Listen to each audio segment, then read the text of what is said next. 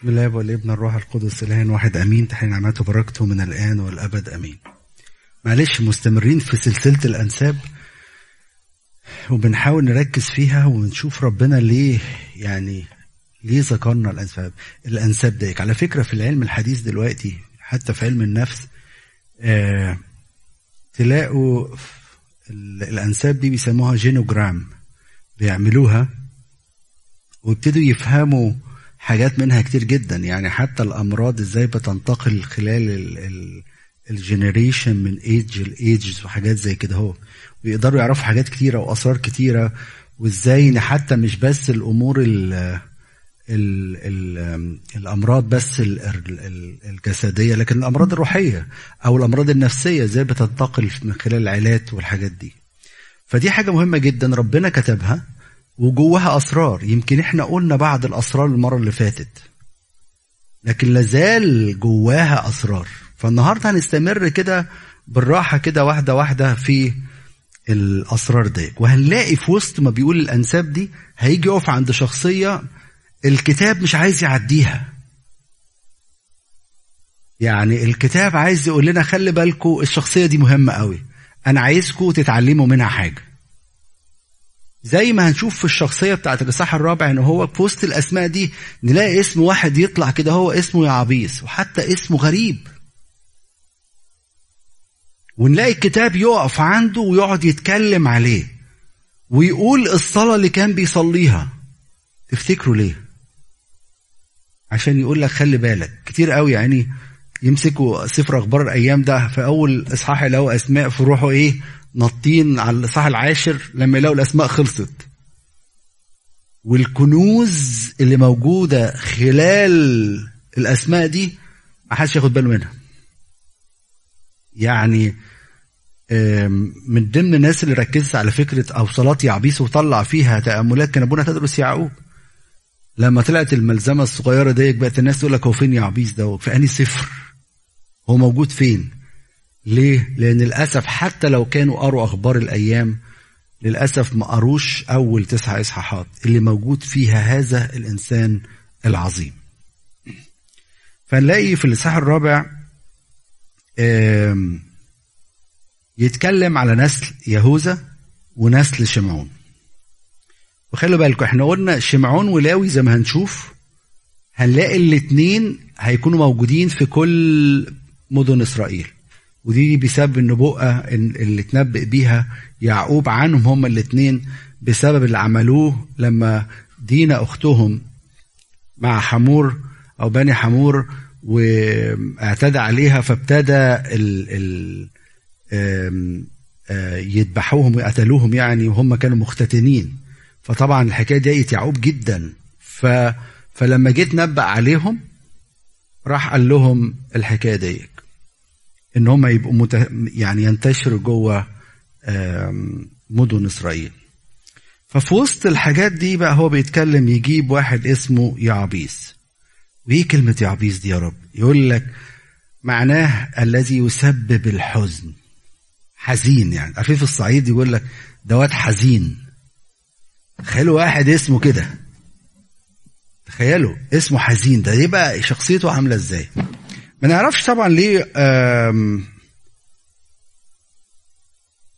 مامته سمته بالاسم ده هل تعبت في الولادة فيه هل حصل إيه؟ ما نعرفش. بس الكتاب بقى لما يجي يتكلم على الحزين دوت اللي في عينينا إحنا حزين. يقول لك كان أشرف إيه؟ من إخواته. وما نعرفش حاجة عن إخواته. ولم يذكر أي كتاب مقدس أي تفاصيل عن إخواته. لكن الراجل دوت يتكلم عنه. ويركز عليه. وهنا برضك سؤال كل مرة بنقوله لو الكتاب المقدس جه النهاردة كتب عنك expression هيقول إيه؟ اسأل نفسك لو جه المسيح هيديك لقب النهاردة؟ هيديك لقب إيه؟ أشرف جميع الناس ولا هيديك لقب إيه؟ ولا زي المره فاتت لما قلنا اذهبوا قولوا لهذا الإيه؟ الثعلب. ولا هيقول ثعلب ولا هيقول علينا إيه بالظبط؟ والراجل ده ابتدى يصلي صلاة بسيطة جدا ويا ريت نتعلمها ويا ريت نصليها. يقول له ربنا ليتك تباركني. أنا رب مش حاجة مش عايز حاجة غير البركة. أنا مش عايز منك حاجة يا رب غير البركة. يا لي ليتك تباركني. مع إني رب غير مستحق لكن يقول له زي أبينا يعقوب لم أتركك إن لم تباركني. فهل بنطلب البركة دي؟ وبرضك أي نوع بركة بنطلبه؟ الفلوس والخير والحاجات دي ولا البركة الروحية؟ في بركات روحية كتير بتنقصنا. هل بنطلب من أجل هذه البركات ولا لأ؟ فيقول له ليلتك تباركني توسع تخومي الحدود يعني. يعني عايز أنمو روحيا يا رب. يعني النهارده أنا بس يعني بقول ابانا الذي بس يعني باللسان ما دخلتش للعمق. بقرأ كلمتك يا رب وما دخلتش للعمق. بحس لسه بتقل في الصلاة لسه بحس بتقل وأنا بقرأ كلمتك في القداس بحس بتقل لسه. لسه ما فيش النمو دوت ليتك تباركني وتوسع تخومي وممكن توسع خد تخومي على أساس واحد بيخدم ربنا عايز يوسع له مساحة الخدمة اللي بيخدمها. في كل مكان بيخدم فيه في شغله في الكنيسة. يعني كنا بنزور عادات خدام وبنقول لهم الحكاية دي بقول له خلي بالك أنت مش تبقى خادم بس في الفصل بتاعك. أنت خادم للمسيح في كل حتة في كل مكان ربنا يرسلك إليه تخدم فيه. توسع تخومي روحيا وفي الخدمة. ويقول له وتكن وتكون يدك معي. زي ما قال المسيح بدوني لا تقدروا أن تفعلوا شيئا. يا رب أي عمل بدونك إحنا مش عارف نعمله. إيدك تكون معانا. وكان الرب مع إيه؟ مع يوسف فكان رجلا ناجحا. النعمة والبركة دي من خلالك أنت. لو أنت مش معايا مش هعرف أعمل حاجة. سواء بقى في شغلي سواء في خدمتي سواء في حياتي في تربية الأولادي لو إيدك مش معايا أنا مش هعرف أعمل حاجة. ده واحد عارف بضعفه وعارف بقوة ربنا اللي معاه. وعارف إزاي بيكلم ربنا. يعني صلاة سابقة كل العصور صلاة بتاعت عصر, عصر النعمة. لأنه عرف منين المسيح قال بدوني لا تقدروا أن تفعلوا شيئا. وتحفظني من الشر حتى لا يتعبني. ابعد عني يا رب الشر والشرور لأن أنا عارف نفسي أنا ضعيف مش هستحمل. أنا مش هقدر على الشر دوت. واحد عارف ضعفه وبيضع ضعفه ده أمام الله ويقول له رب بص أنا مش هعرف أقاوم لا الشر ولا الشرير.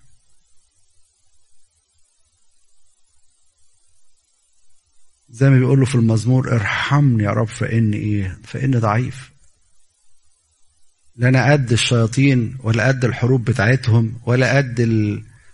الأشراك اللي هم بينصبوها ليا كل يوم. يعني في تحليل الكهنة لما بيطلب أبونا يقول له احفظنا من الأشراك المنصوبة لنا المرئية والغير مرئية. ونلاقيه برضك في صلاة التحليل بتاع الساعة التاسعة. ابطل يا رب كل قوة المعاند وجميع جنوده الرديئة. ده في قوة. إحنا مش قديهم. في صلاة الغروب يقولوا نجينا من حيل المضاد. ابطل يا رب سائر فخاخه المنصوبة لنا. ده في فخاخ بتبقى منصوبة لينا. إحنا مش واخدين بالنا. نجينا يا رب. نجينا من حيل إبليس. إحنا مش قده. فواحد عارف ضعفه قوي قوي بيقول له يا رب أنا مش قد الشر دوت لأن عدوي يا رب قوي. الأجمل من كده آية اللي تدينا رجاء يقول لك أتاها الله بما سأل النهاردة ربنا بقى بيقول لي بيقول لك إيه بقى؟ طلبتك مستجابة. طلبتك مسموعة. صلاتك مستجابة. أنت ليه بتشك إن صلاتك مش مستجابة؟ ليه بتسمع كلام إبليس يقول لك أنت فاكر ربنا يسمع لك؟ أنت فاكر الطلبات دي هت؟ لا يفكرني بالصلاة اللي صلاها حزقية الملك. لما جه سنحريب هجم على على يهوذا وأورشليم وراح حزيه كان ذكي جدا حتى في صلاته. قال له بص يا رب يعيروك الموضوع مش بتاعنا يعني. سيبك مني أنا كملك بس ده يعني بيعيروك أنت. فربنا يبعت له اشعياء يقول له إيه؟ قد سمعت. أنا سمعت صلاتك. أنا سمعت. اوعى يجي في يوم ساعات بنقعد نقول اكسبريشنز كده ونهزر بيها بس الكلام ده مش صح. لأنك لما بتردره بتصدقه. يقول لك أنا صلاتي تطلعش فوق السقف اللي أنا مين قال كده؟ أنت مجرد ما فتحت بالصليب الصلاة فأنت أمام الله. تتجاوز حدود المكان والزمان. بتبقى أمام الله أمام عرش ربنا. صدق الكلام ده. انت ليه مش مصدق؟ ونقعد نكروت في الصلاة ون... وحتى ساعات بنصلي بس عشان عيالنا هم اللي يصلوا معانا عشان نعلمهم الصلاة لكن إحنا مش مشكلة. وكمان أتاها الله بما سال الراجل ده ما طلبش حاجة أرضية. اطلبوا اولا إيه؟ ملكوت الله بره. أنا مش أنا مش مصدق يا عبيس ده عايش في عصر النعمة ولا إيه؟ مش عارف.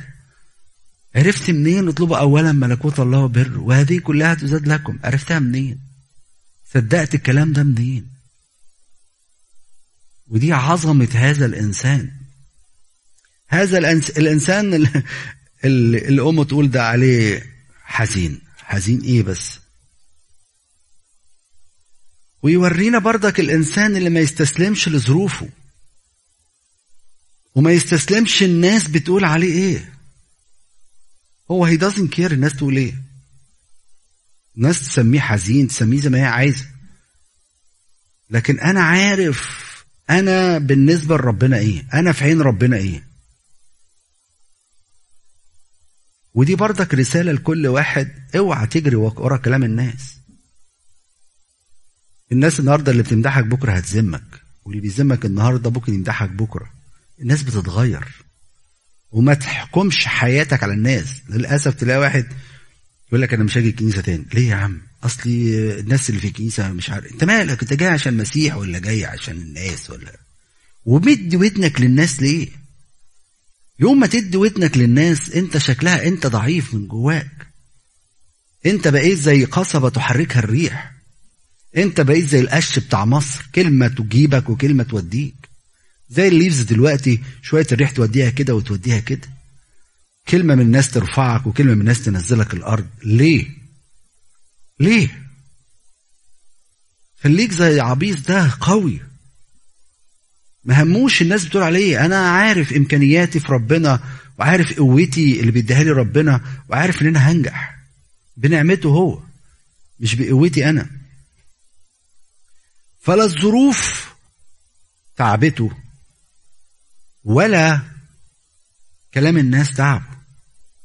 والواحد لما بيشوف الناس اللي بتنجح حتى في مستوى العالم الواحد بيفاجئ بناس حقيقي حقيقي يعني آه إيه ده؟ اللي بدأوا يعني وشافوا محاربات في حياتهم. هم صغيرين ابتدوا يعتمدوا على نفسهم. وده يقول له كلمة وده يقول له كلمة. واللي واللي والده تنيح وهو صغير ويعافر في الدنيا ويطلع حاجة كويسة قوي قوي كل الناس دي صدقت إن ربنا ممكن ينجحها. وما صدقتش لا الظروف ولا الإمكانيات. عشان كده حتى أرمية في مرسى أرمية يقول لك جيد للرجل أن يحمل النير من صغره. عشان كده بردك دي مهمة جدا. خلي عيالنا رجالة يعتمدوا على نفسيهم بأقوياء على قد ما تقدر. علمه إزاي ياخد قراره علمه يعتمد على نفسه إزاي. فالراجل ده بيدينا دروس كتيرة قوي. لا استسلم للظروف ولا استسلم لكلام الناس. ولا انزعج بال... بالضيقات اللي شافها في حياته.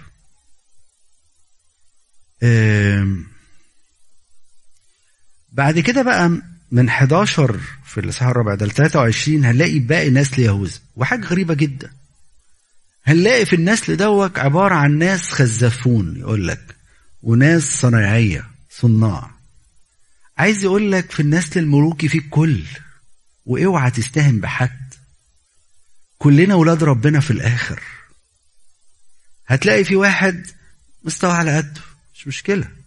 بس في نظر ربنا حاجة تانية قوي حاجة تانية قوي اوعى تستقل بالناس. حاجة الغريبة قوي لما جيت هنا المجتمع الأمريكي كان في دماغي إن الناس هنا بتحترم الإنسان دازم ماتر بقى هو معاه بي اتش دي ولا معاه مش عارف إيه ولا معاه إيه. بس اكتشفت العكس. لما المجتمع المصري بتاعنا بس يعني مش عارف. شفت العكس. لا إحنا لازم نحترم الكل. في ناس من دول هيسبقونا للسماء. ناس بسطة قوي قوي. اوعى تستهين بحد. كلهم جوه النسل الملوكي. صناع وخزفون.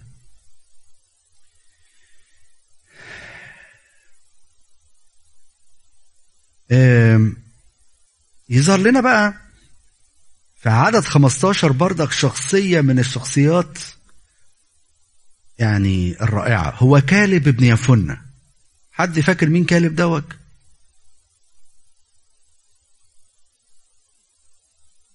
آه كان 12 واحد. أنا مش فاكر العشرة. ومحدش عارفهم. لكن في اتنين ما يتنسوش. هو كالب ابن يفنة ويشوع ابن نون. مين كالب ده؟ ده واحد راح بقى. يعني على فكرة هو اللي اتكلم مش يشوع. يعني جم الاتنين ادوا التقرير. على فكرة نفس التقرير بتاع التانيين. بس بنظرة إيمانية. قالوا في بني عناق؟ قالوا قالوا في بني عناق. وناس أقوياء آه وعددهم كتير آه.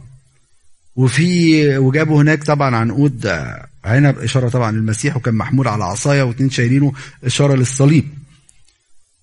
لكن التانيين قالوا لا ده هياكلونا. لكن كالب قال لك إيه؟ قال لك أهم كده بس نحن قادرون عليها. جبت ده من الإيمان ده. جبت مين الإيمان ده ككالب لا مش بس كده. دخل كالب الأرض دي وهو عنده 40 سنة. ماشي؟ يتجسسها طب إمتى امتلكوا الأرض بعد 40 سنة تاني؟ يعني كالب كان عنده كام سنة؟ 80 سنة. صح؟ تخيل واحد عنده 80 سنة هيخش يحارب؟ ما هو طبعا كل الجيل القديم مات في الصحراء ما عدا الاثنين دول كالب ابن يفنة ويشوع. وموسى طبعا ربنا قال له مش هتخش وراح طلع جبل نبو وعمل جنازة بينه وبين ربنا وربنا دفنه والموضوع انتهى. الاثنين دول بس اللي دخلوا. أنا دلوقتي لو مكان كالب لو أنا هروح أمتلك الأرض عشان أمتلك الأرض هيبقى في حرب. أفكر أنا أنا أصلا عندي خبرة. أنا دخلت الأرض وعارف الاماكن الصعبة إيه وال ال... دخلتها وشفتها واتجسستها. وعارف فين بني عناق. يعني على الاقل ما اخش المدينة اللي هم قاعدين فيها. لكن هو عمل إيه؟ عمل غريب جدا. قال يشوع أنا أخش آخد حبرون. يسوع يشوع يقول له يكفيك. مش عارف يعني ما تخش أنت سنك 80 سنة و... هتروح بني عناق هتعمل ده أقوياء وبتاع. قال له لا لا لا لا. أنا زي ما دخلت وعندي 40 سنة أنا دلوقتي قوتي زي ما هي من 40 سنة. إيه الجبروت ده؟ إيه الجبروت ده؟ ودخل جوه حبرون وخدها وانتصر على بني عناق وهو اللي قاد الناس إن ياخدوا الحبرون. هو القائد. إيه ده؟ إيه الإيمان ده؟ إيه العظمة دي يا كالب؟ عندنا الإيمان دوك ولا إحنا شوية مش مشكلة تيجي كده؟ تلاقينا بقى الستات يعيطوا والرجالة ينفخ ومش عارف وإيه وخلاص والدنيا كأنها اتهدت. لكن الناس دي كانوا أقوياء. عندهم إيمان شايفين بعين الإيمان ما لا يرى. ما لا يرى. وكان إيمانهم وقوتهم في ربنا. وكالب ده يدينا يعني درس. وبعض الناس بيقولوا إن إن إن كالب دوت من جنس أممي. بعض الناس بيقولوا اللي هو الجنس بعض المصريين طلعوا مع لما شافوا ربنا بقى بالضربات العشرة عجبهم ربنا ده. عارفين المصريين يعني كلنا. فعجبهم ربنا ده قال لك نمشي وراه. فبيقولوا إن هو من الجنس اللي طلع معاهم. بدليل على فكرة المصريين طلعوا معاهم إنه لما عملوا عجل عملوا إيه؟ عجل أبيس. يعني دول أثروا عليهم المصريين اللي كانوا معاهم أثروا عليهم وعملوا عجل أبيس. فبعض الناس بيقولوا إن هو كان أصوله أممية. It doesn't matter بقى الراجل ده عنده ايمان غير عادي. وملك. وراح الأرض وربنا اداله اشتياق قلبه. خليك النهارده مشتاق للسماء. خليك النهارده مشتاق للطهارة. خليك النهارده مشتاق للأمانة. خلي عندك اشتياق لكده. خلي عندك اشتياق تبقى عايش عيشة القديسين دول. خلي عندك اشتياق دوت. ربنا هيديهولك حتى لو مر بيك العمر وكبرت 80 سنة هيجيلك الاشتياق ده. تقلقش. ده كلب اللي بيديهولنا النهارده. بعد كده يتكلم بقى على أسماء سبط شمعون من 24 لغاية 43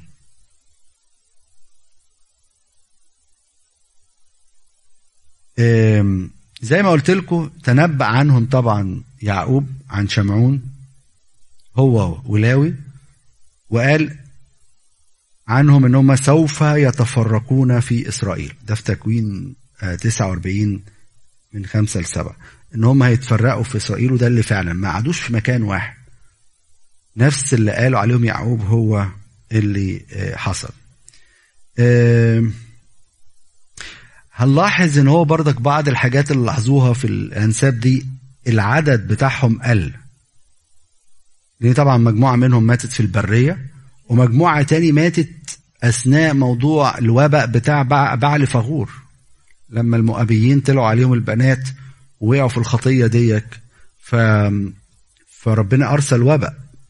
فيقال إن شمعون كان من مجموعة كبيرة منه طبعا ماتت خلال الوباء اللي حصل طبعا في سفر العدد اصحاح 25 آه وده معناه إن بركة ربنا قلة العدد دي معناه إن بركة ربنا بتبقى مع الإنسان اللي متمسك بربنا ومتمسك بالطهارة.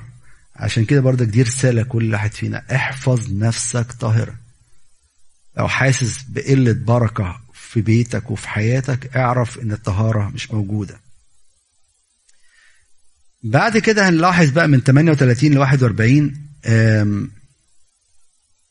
هنلاقي إن في جزء كبير منهم سكن في الشمال مملكة الشمال ديك يعني.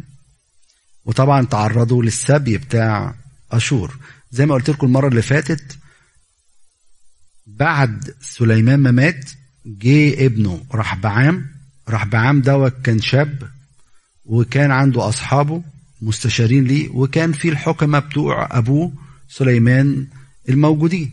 فلما جه الشعب زي ما حكيت لكم المرة اللي فاتت وابتدى يعني يقول له إحنا تعبنا من بنى الهيكل وتعبنا من بنى ال ال ال البيت بتاع الملك سليمان. فعايزين يعني نريح الشعب. عارفين زي المطالب العادية يعني. فطبعا راح بعام سأل الحكماء قالوا له طبعا الشعب تعب ومن الحكمة إنك لا تثقل على الشعب أكتر من كده لأن أبوك ثقل عليهم. لكن لما راح سأل الشباب الشباب قالوا إيه بقى؟ قالوا لا لا أنت بيتدلعوا دول. أنت تقول لهم كده إن خنصري أغلظ من متن أبي وأبي أدبكم بالسياط أنا ادبكم بالعقارب. العقارب دي نوع من السياط أقوى بيبقى بيبقى أصعب يعني. وللاسف طبعا كان في واحد أبونا فيه في مصر اسمه يربعام. يربعام ده كان قائد الثورة ديك يعني. فخد يربعام عشر أسباط وطلع فوق وعمل مملكة اسمها مملكة إسرائيل وعاصمتها السامرة.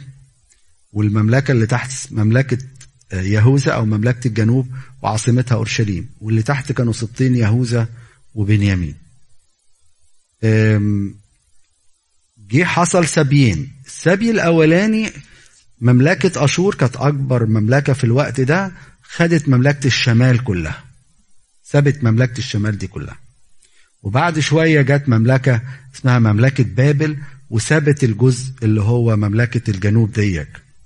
بس مملكة الشمال للأسف اختلطوا زي ما هنشوف دلوقتي اختلطوا بالناس ويكاد الأسباط دي لا لا أحد يعرف عنها حاجة. من كتر الخلطة اللي بين عارفين زي ما يكون هنا إحنا الناس اللي هاجرت أمريكا ف couples كله بيتجوز mix من امريكان أو different nationality هنا هو.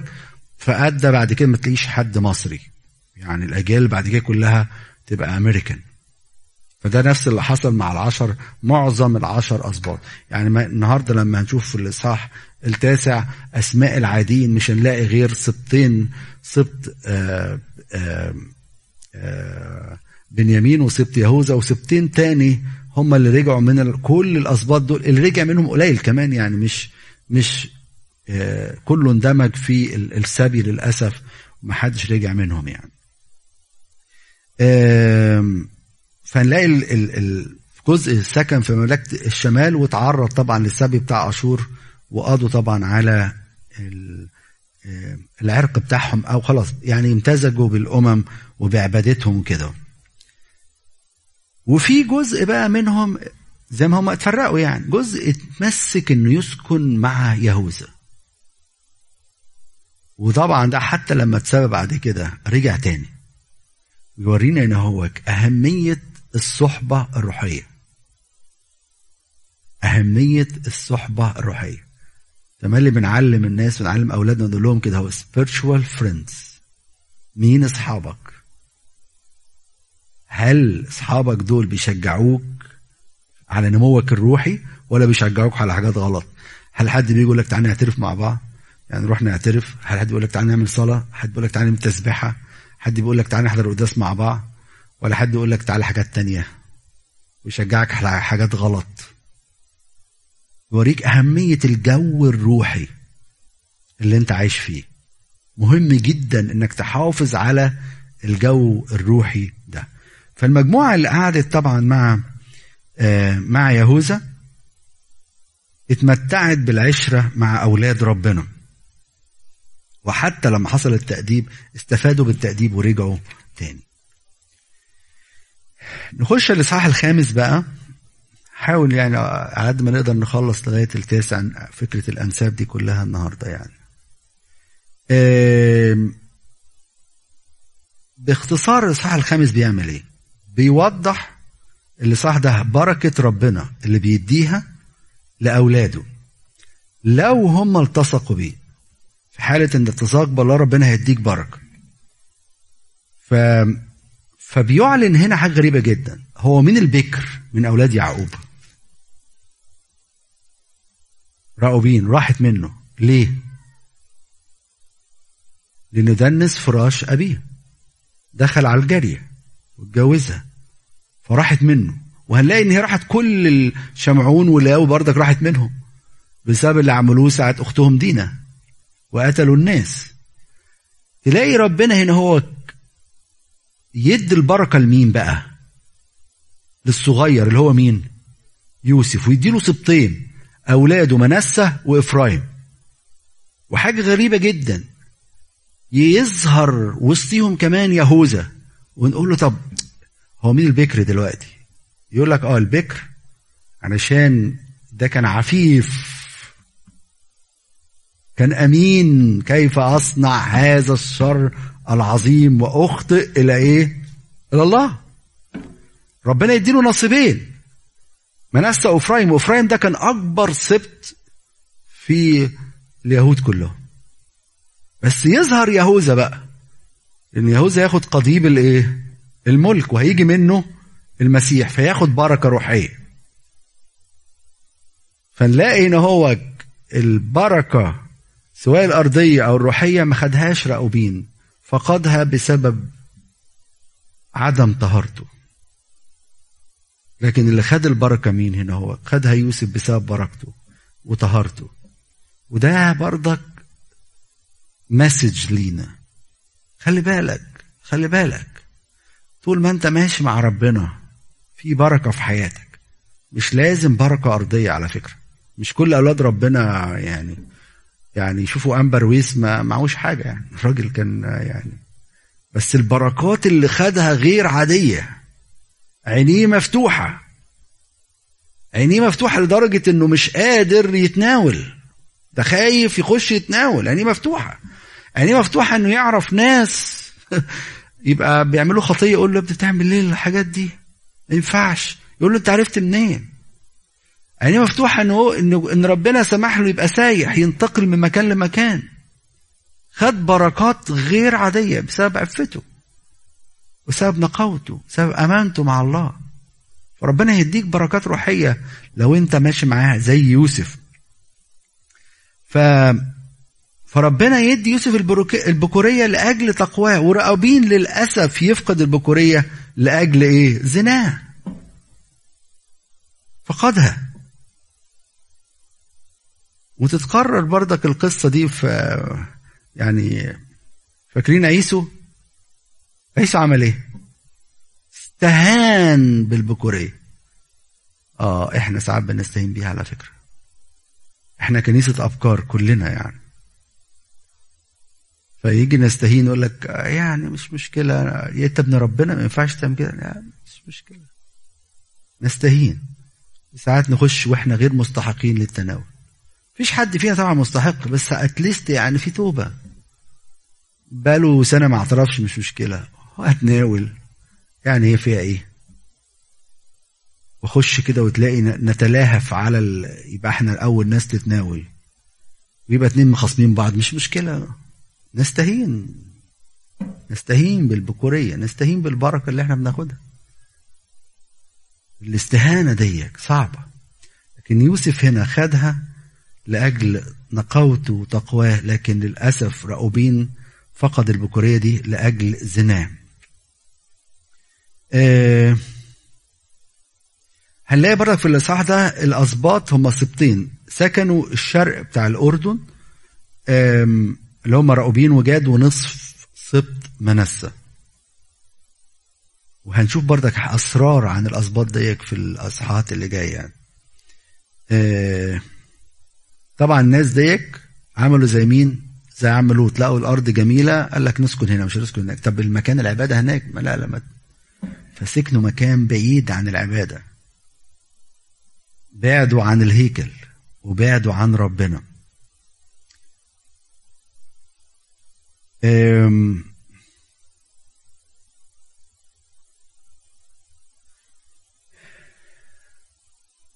فزي ما قلنا البركة ربنا بيديها للي يتقيه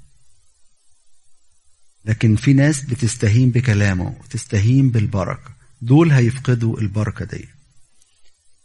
طب أعمل إيه؟ اتمسك بوصايا ربنا وتمتع بالرعاية بتاعته هتلاقي بركات غير عادية في حياتك وفي بيتك. دي حقيقة. هنلاقي بعد كده بقى يتكلم من ثلاثة لعشرة في الإصحاح دوت عن النسب بتاع أو أنساب سبط رأوبين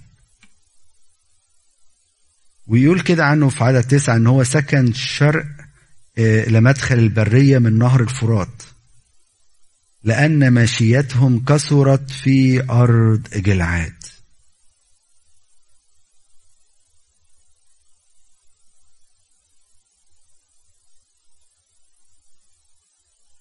طبعا برضه كمان نلاحظ إن هو أسمائهم أو الأعداد بتاعتهم تعتبر قلت كمان. وسبت راؤوبين دوت إشارة الإنسان اللي بيختار حسب هواه حسب دماغه. مش هم اللي اختاروا المكان دوت ما ما ما خضعوش ليشوع والتقسيمة اللي عملها. دون إرادة ربنا بيختار اللي هو عايزه. وهنا برضك دي حاجة تعلمنا قوي. اوعى تعمل حاجة غير لما تسأل ربنا. هل ربنا موافق على اللي انت هتعمله دوت ولا لأ؟ يعني زي ما شايفين كده إحنا في وسط الحاجات بس بنطلع دروس لكن هي مليانة أسرار. زي ما شفنا الأسماء المرة اللي فاتت وشفنا إزاي يبدأ بآدم وينتهي بنوح والاتنين عريانين وإزاي الاتنين فشلوا والإنسان تحت المسؤولية. إزاي فشل؟ بردك الحاجات دي مليانة أسرار. لكن اللي بنقدر نعمله نقدر نعمله. عشان بردك يقول لهم إن هو خلي بالكم لما أنتوا سكنتوا مع الناس دول سابوا الناس اللي كانوا ساكنين.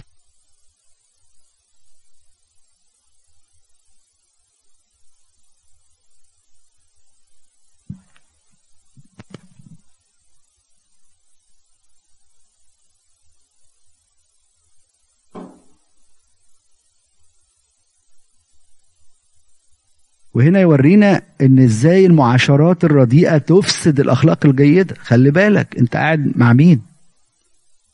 تلاقي ان شاب جاي من مصر لسه. وبقى في مصر ما كانش فيه لا بيشرب خمرة ولا بيشرب مش عارف إيه. قاعد يقول لك يعني إحنا سيلبريشن اشرب يلا جرب. إيه المشكلة يعني؟ ويعيش في الجو.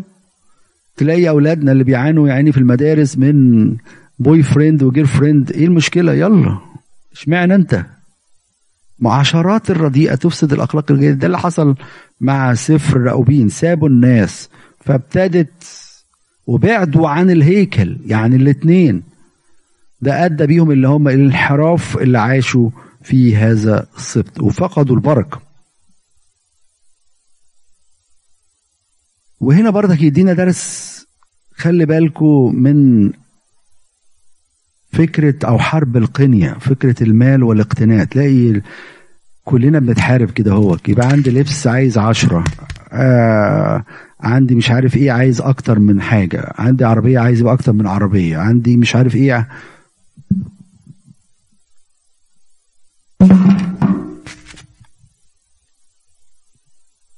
يعني خلي بالكم ويسموها كده هو في الحياة الرهبانية يعني محبة القنية يعني.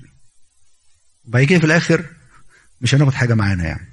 فالناس دي بصت بردك على الأرض والحاجات والإمكانيات وزودوا الماشية بتاعتهم فرحانين بالحاجات ديت عشان كده نحذر من محبة القنية بعد كده نلاقي النسب بتاع سبط جاد من 11 لغاية 17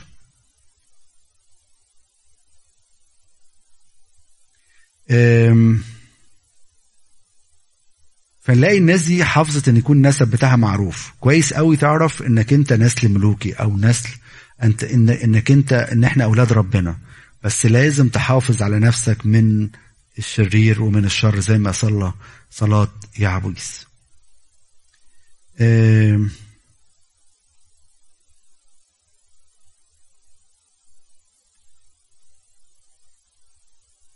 نلاقي الناس ديك دخلوا حرب ونلاقي في آية عشرين يقولوا حاجة غريبة جدا. يقول لأنهم صرخوا إلى الله. صرخوا إلى الله في القتال. عشان كده يقول لك فاستجاب لهم لأنهم اتكلوا عليه. تخيلوا وسط الأنساب في آيات دروس. معناها إنك في حربك عشان تنتصر تعمل إيه؟ تطلب من ربنا وتتكل عليه. زي ما بيقول في سفر الأمثال وعلى فهمك إيه؟ لا تعتمد. طبعا اللي بيقرأ أو بيفوت التسع إصحاحات هيفوت منه الدروس العميقة ديك اللي موجودة في الوسط يعني. فالناس دي حافظت على نسبها قوي ودي حاجة عجبت ربنا. كل ما نلتجئ إليه وتقول له يا رب ليس لي إنسان زي المخلع عمر ربنا ما هيسيبك. فدول عملوا كده. آه وبيعلموا إن إحنا نصلي بإيمان طبعا هم صلوا بإيمان لربنا وربنا طبعا استجاب لصلواته.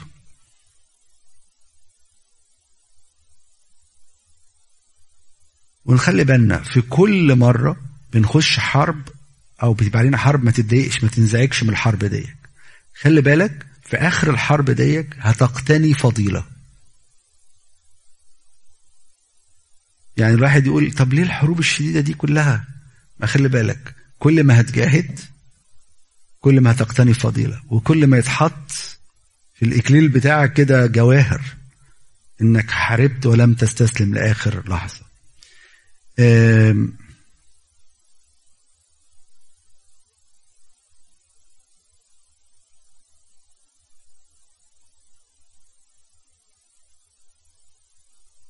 طبعا للأسف هم صلوا لكن زي ما نشوف في عدد 24 ما استمروش في كده. فبالتالي تعرضوا طبعا. التوبة اللي مش مستمرة. تعرضوا للسبي للأسف وراحوا لسبي أشور. بعد كده بيتكلم على أنساب نصف سبط منسى بقى اللي هي من آية 23 ل 24 وبيقول عنهم إن هم جبابرة بأس. بس للأسف تعرضوا للسبي. ليه؟ لأن سابوا ربنا. وعدم شكرهم على العطايا ربنا اداها لهم. إن ربنا اداهم حاجات كتير اداهم إمكانيات. أنت كمان ربنا هيديك إمكانيات. عدم شكرك على الإمكانيات ديك هتتاخد منك وتتسبي زي دول. عشان كده أقول لك إن مفيش عطية بلا زيادة إلا التي بلا شكر. لما ربنا مديك حاجة اشكره عليها. كل واحد فينا ربنا مديله نعم. اشكر ربنا على النعم دي. للأسف كلنا عارفين قلت لكم مرة في اختبار نفسي بيعملوه كده يجيبوا white board ويحط نقطة سوداء. فيجي الموظف اللي جاي يمتحن يقول له انت شايف إيه؟ فيقول له شايف نقطة سوداء. إحنا بنعمل كده سايبين ال white board كلها ومركزين على الحاجة اللي ناقصانا والحاجة اللي مضايقانا. طب بس ربنا مديك نعم كتيرة. حاجة امبارح في الشباب كانوا بيحتفلوا بال Thanksgiving يعني. فكل واحد كتب على الترابيزة بنشكر ربنا على على إيه؟ اللي على الصحة على مش عارف على الجامعة على إيه آه يعني حاجات كتير قوي بس ما حدش كتب فيهم على نشكر ربنا على الدقيقة. ف... فبقول لهم إحنا بنيجي نشكر ربنا الكنيسة بتاعتنا. كان في بردك أمريكان وكده. في التراديشن بتاعنا بنبوس إيدينا وش وظهر. وش يعني؟ للحاجات الحلوة ربنا بيديها لنا. والظهر الحاجات اللي بنظن إن هي ما خدناهاش أو بنظن ان هي آه مش حلوة بالنسبة لنا.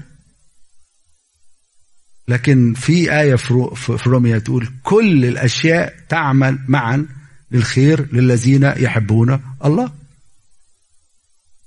هل بنشكر ربنا على كل الظروف ديك ولا لا؟ ده كمان ما بنشكرش على الحاجات الحلوة. يعني ربنا مديك حاجات حلوة. ليه مركز على ال... يمكن النقطة السوداء ديك اللي موجودة هي سبب نموك في حياتك.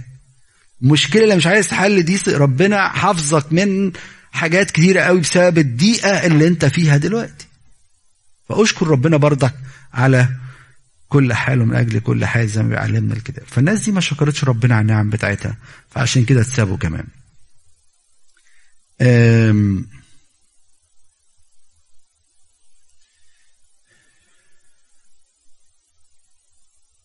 هم كانوا جبار البأس. انت ربنا هيديك حاجات وزنات كتيرة خليك أمين في الوزنات ديك. لأنك لو أمين في القليل اللي ربنا مديهولك ده قوانين هيقيمك على الكثير. خليك أمين في خدمتك لبيتك.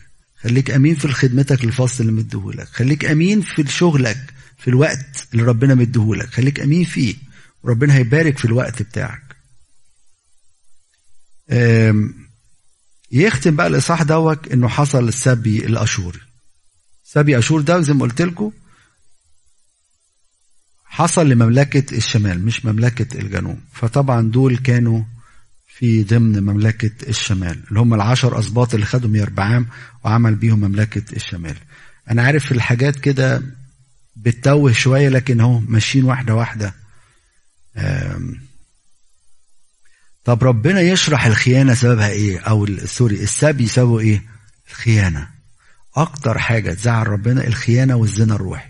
يعني إيه الزنا الروحي؟ يبقى في آلهة في حياتك غير ربنا. تقول الحمد لله أنا لو محبتك للمال أكتر من ربنا يبقى المال أصبح إله. لو حب محبتك للمركز أكتر من ربنا إنك تبقى في بوزيشن كده و... والناس كلها تشاور عليك اعرف إنك أنت في مشكلة دلوقتي إنك أنت في إله تاني في حياتك. إنك مش قادر تبطل تسيب التليفون. دي حاجة بسيطة على فكرة. اليوتيوب كنت بسمع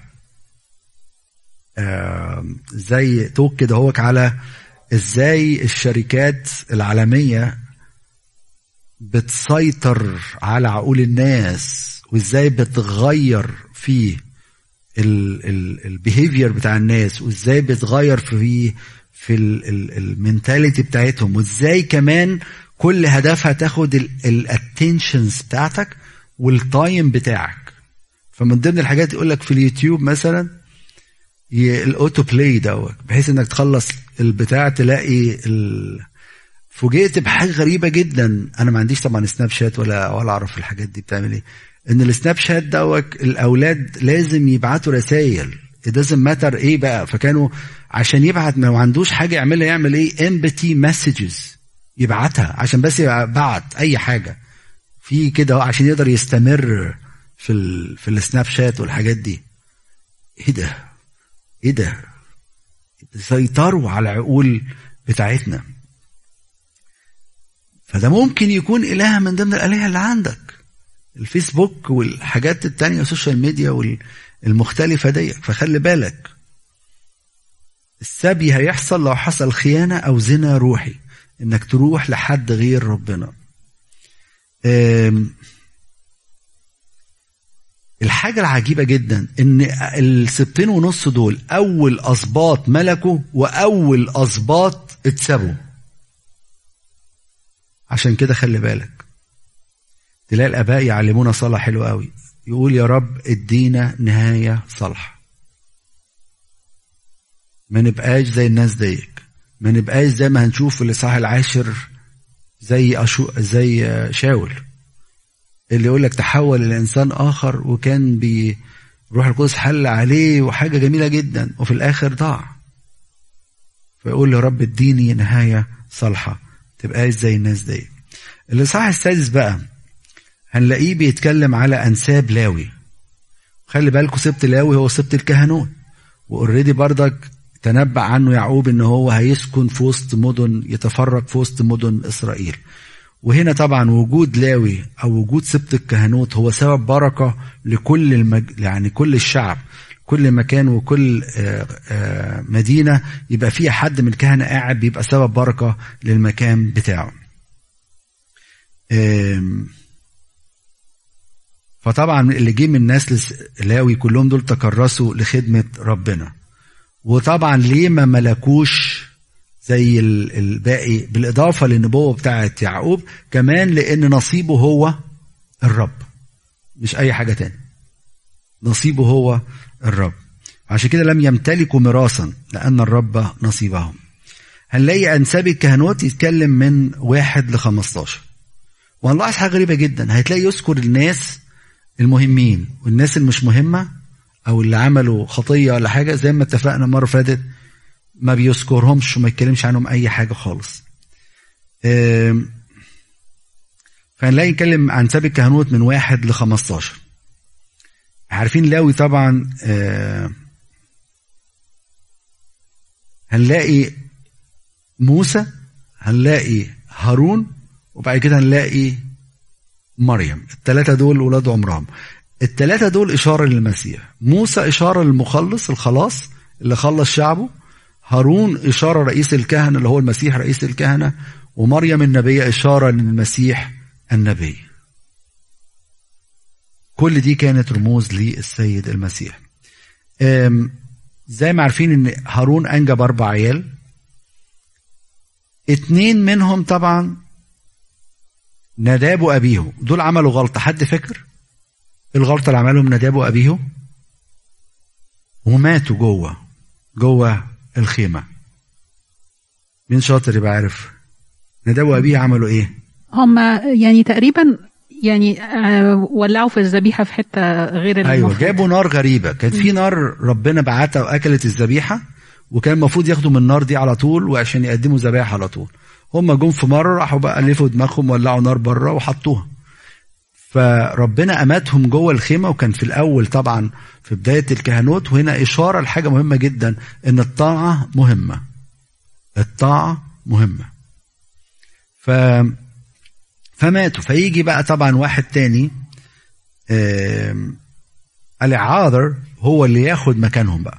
يبقى هو الرئيس الكهنة اللي يجي بعد هارون. وطبعا دي اختارته نعمة ربنا. من نسله هيجي بقى طبعا يذكر الشخصيات المهمة. هيجي منه يهو صداق اللي ذهب للسبي وحفيده يهوشع اللي عاد مع السبي. فيذكر الشخصيات اللي هي عاملة يعني تاتش كده هو في ال هنلاقيه تم استبعاد ال ال الولد الرابع من أولاد هارون اللي هو إيثامار لأجل الشرور بتاعته. وطبعا جه منه طبعا عال الكاهن. للأسف طبعا كان ابنه في نحاس والخطايا اللي كان بيعملها أولاده الاتنين جوه الهيكل. فهو يقول له لا لا زي ما اتفقنا إن السفر ده بيركز على الناس أو الإنسان في فكر ربنا. اللي فات صمويل وملوك وأول ملوك تاني يركز على الإنسان تحت المسؤولية. لما ربنا سابه يعمل هتعمل إيه؟ ففشل. لكن هنا هو عشان بيركز على إنسان حسب فكر الله فيبتدي يشيل الناس اللي هي إيه؟ ملهاش لازمة من الآخر يعني. فإيسامار دوت طبعا نتيجة لشروره وطبعا جه منه عالي وفنحاس مع إن علي كان كويس على فكرة. مشكلته الوحيدة إنه ما عرفش يربي عياله. ولم يردعهما الكتاب يقول كده لم يردعهما.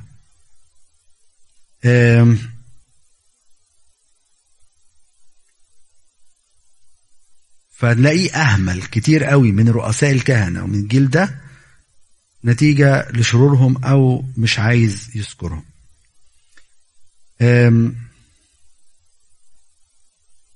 هنلاقي في عدد 8 و9 يركز زي ما قلت لكم بقى على التسلسل بقى من صدوق آه، كان رئيس كهنة أيام داود يذكر بقى الناس اللي هم في عاملين حاجات حلوة وابنه أخيماعس اللي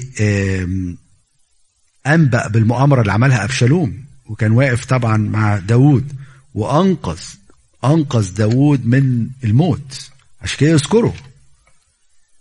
آه، يتكلم على يوحنان اللي هو يهويداع قلنا طبعا الأسماء بتختلف نتيجة إن الهجرة اللي عملوها أو السبي يعني غير اللانجوج بتاعتهم والنطق بتاعهم للأسماء. فيتكلم على يوحنان اللي هو يهويداع اللي حفظ يؤاش الملك اللي هو خلاه أيام آه، لما يؤاش ده كان عنده سبع سنين قاعد يربيه عساليا كانت هي اللي مالكة فخباه كان عايز قتلت كل الناس الملوكي فجاه راح مخبيه لغاية ما بقى عنده سبع سنين وأظهره و... وأعلنه ملك فيذكروا نتيجة للعمل ده اللي عمله طبعا. هنلاقي في عدد عشرة عزاريا ده الكاهن اللي منع عزية يكهن جه عزية جه قال لك أنا هبقى كاهن وداخل عايز يمسك شوريا. منعه. وهنا يورينا قوة الكهنوت وإن الإنسان لا يحابب الوجوه. كلمة ربنا والحق زي يوحنا المعمدان لا يحل لك يعني لا يحل لك. Doesn't care بقى مين هو مستواه إيه الكلام ده كله. ده وقفوا قدام ملوك. فكان كاهن قوي وجبار. وقفوا قدام عزيز قال له بتعمل إيه؟ مش قال له لا اتفضل. لا لا لا عند ربنا لا مفيش. اعمل لك اللي أنت عايزه بره لكن حق ربنا لا. لا أتنازل عن حق ربنا. فيجي يذكر هذا الكاهن عزاريا ده اللي منع عزية الملك من الدخول إلى بيت ربنا. طب أنا أستفيد بيه إيه؟ أنا كإنسان عادي. آه إنك تقول كلمة الحق. إنك اوعى تحابب الوجوه. حد قال لك موقف آه صح ولا غلط قول كلمة الحق. بدون تجريح طبعا. انطلب منك وفي مسؤولية تقول كلمة الحق قول كلمة الحق. ما يهمكش حد. ايا كانت الظروف وايا كانت العواقب اللي هتحصل. طالما قلت الحق يا ربنا معاك ما تقلقش. الناس ما خابتش. خابتش لأي لأي حاجة. وطبعا عزية ما سمعش الكلام وكان ربنا عقابه إيه؟ حد فاكر؟ حصل له إيه عزية؟ الملك. ضربه بالبرص. آه ضربه بالبرص. فربنا وقف مع الكاهن يعني. قال له ما تقلقش أنا معاك. وهنا ورينا بردك عدم طاعة الكهنوت. هي مشكلة. عدم الطاعة بتاعت عزية حصل له إيه؟ برص. مش بخوفكم مننا يعني. طاعوا طاعوا طاعوا كلامنا بس في, ال... في كلام ربنا يعني في الإنجيل مش حاجات تانية يعني.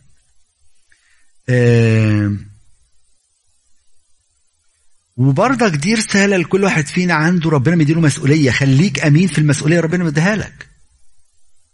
كن أمين في المسؤولية ربنا مديها لك. ولا تحابي فيها الوجوه. آه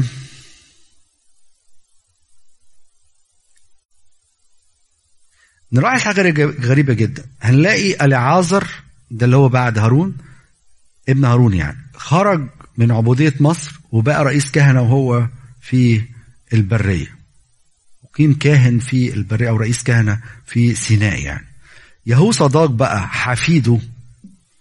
للأسف هو خرج من أورشليم للعبودية. وده في السبي يعني. ويرجع معاه مين طبعا؟ يرجع بعد كده الكاهن اللي بعديه على طول يرجع. وهنا ورينا إن إزاي التهاون بيؤدي لإيه. واحد بيخلص من العبودية والتاني بيخش للعبودية.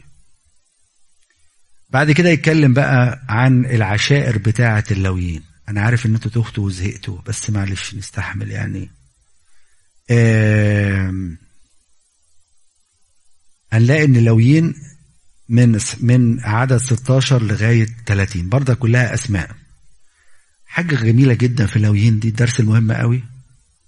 ان كانوا بيعملوا حاجات بسيطة قوي. اللي على البوابة اللي مش عارف إيه اللي يعمل إيه اللي ينظف إيه. ودي رسالة ليا وليك. اوعى تستهين بالخدمة اللي أنت بتعملها. أي خدمة تعملها. خدمة مش مدارس أحد ولا وعظ ولا الكلام ده. صدقوني في ناس بتعمل خدمات أعظم منا بأمانة. بأمانة. اوعى تستهين بالحاجة الصغيرة اللي بتعملها. اعملها. هي في نظر ربنا حاجة كبيرة جدا جدا. فنلاقي اللويين دول محدش يعرف عنهم حاجة. وخدمتهم مهمة جدا. بدونهم زي مثلا أبونا ما يقدرش يعمل قداس من غير خدمة القربان. تخيل أبونا جاي الصبح ملاش قربان هيعمل إيه؟ الناس الريسبشن الخدمة البسيطة دي تقول لك هنعمل أكل. آه الأكل ده بسيط قوي بس لو أبونا ما كلش والخدام دول كانوا مش هيخوروا في الطريق زي ما قال المسيح في معجزة الخمس خبزات والسمك دي. هيخوروا في الطريق. مش هيقدروا يكملوا اليوم. كل حاجة مهمة. اوعى تستهين بأي خدمة تعملها. دي الحاجة نتعلمها من ذكر اللويين والخدمات البسيطة اللي كانوا بيعملوها. هنا برضك يذكر في 28 بقى شخصية عبقرية وقوية جدا. هي شخصية صمويل. العظمة كلها بتاعت هذا الإنسان اللي علمنا مبدأ تكلم يا رب لأن عبدك سامع. اللي كان نبي حقيقي حسب قلب الله. وهنا طبعا ربنا اداله على فكرة الكهنوت. كان يقدم ذبايح سوين برغم إن هو مش نسل كهنوت واخدين بالكم؟ لكن ربنا استثناه واداله إنه يبقى كاهن في الفترة دي نتيجة طبعا لشر عالي الكاهن واولاده يعني. بعد كده هنلاقي بقى يتكلم على النسب بتاع رؤساء المغنيين. ودي حاجة تبسط الناس بقى فريق الأكسيوس والحاجات الجميلة دي. يورينا ربنا حتى مهتم بالتسبيح جدا ودي وري أهمية التسبيح. اوعى حد يستهين بترنيمة ولا بتاع التسبيح ده حاجة لغة السماء. ليه التسبيح مهم؟ وليه التسبيح بيغيظ الشيطان؟ لأن الشيطان ده كانت دي وظيفته. يلاقي حتة الإنسان الترابي ده قاعد يسبح الثالوث. إيه ده؟ إيه ده؟ وهنا حاجة جميلة جدا. تلاقي داوود هو داق الحكاية وراح معلم الناس ديت وهنا جمال بقى إن أنتوا تدوقوا التسبيح وتدوقوهن يعني كده عشان كده أتمنى إن أنتوا لما تقولوا ترنيمة تقولوا الناس ترنيمة حافظاها. حتى للشمامسه اللي بيصلوا. في القداسات يقولوا تريم الناس تشارك معاهم فيها. بلاش السولو ده. بعد كده يتكلم بقى على نسر هارون من 49 ل 53 وبعد كده يتكلم على المساكن بتاعة اللويين زهقتوا؟ أنا عارف إن أنتوا زهقتوا صدقوني. هو في ناقص الصحاح السابع والثامن والتاسع. نمر عليهم بسرعة ولا تأجلوهم المرة الجاية؟ زي ما أنتوا عايزين. أو حد عنده ساعة يقول.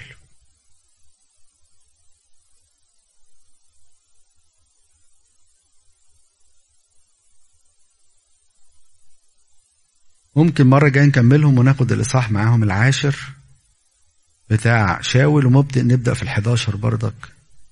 آه طبعا مش هنعرف نكمل كل السفر نركز على الأحداث المهمة مثلا يعني. بس أنا قلت أركز في دول بالذات. ليه أقول لكم التسع إصحاحات دول ليه بالذات؟ لأن كلنا هنسيبهم. الباقي القصص معروفة. يعني ده تكرار زي ما قلنا لمين؟ لسفر صمويل الاولاني فانتوا القصة اللي جاية ال 40 سنة بتوع داوود مكتوبين هنا. وبرضك مركزين على الحاجات الكويسة في حياة داوود.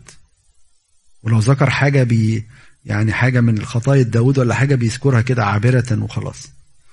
فدول أهم حاجة. عشان لما تقرأ تسع تسع اصحاحات ديت أنا أتمنى طبعا لو هم مسجلين الحاجات اللي فاتت دي اكتبوا الملاحظات ديت وادوها لهم. بحيث كل مرة هتقرأ السفر ده يبقى قدامك الأسماء ومعانيها إيه وفكرة ربنا إيه من خلال الأنساب دي أوكي؟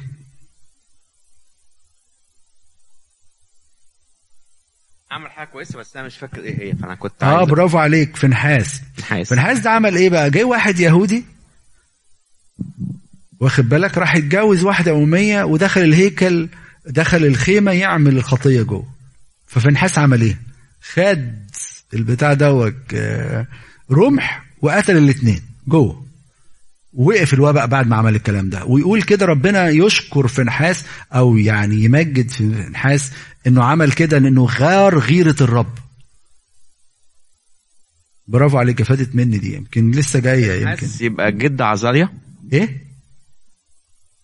آه آه، طبعا. آه طبعا. ما دول بقى؟ دول الأصول بقى ما دول في الأول. أيوه. لا يعني. وفي نحاس ده كان أيام على فكرة سفر القضاه هو الكاهن كان فترة فترة بتاعة سفر القضاه وهنا يورينا بردك الغيرة الحسنة جوه الكنيسة. ما حدش يزعل من أبونا لما يشد ولا يعمل ولا الكلام من ده. نتيجة لحاجة صح. لو إحنا ما عملناش كده هو هي هي هيدنا إحنا. هيدنا فهو كان غاير غيرة ربنا. لما ابونا يشوف حاجة غلط لازم يقول لهم ده غلط. أو اتفضلوا نصلي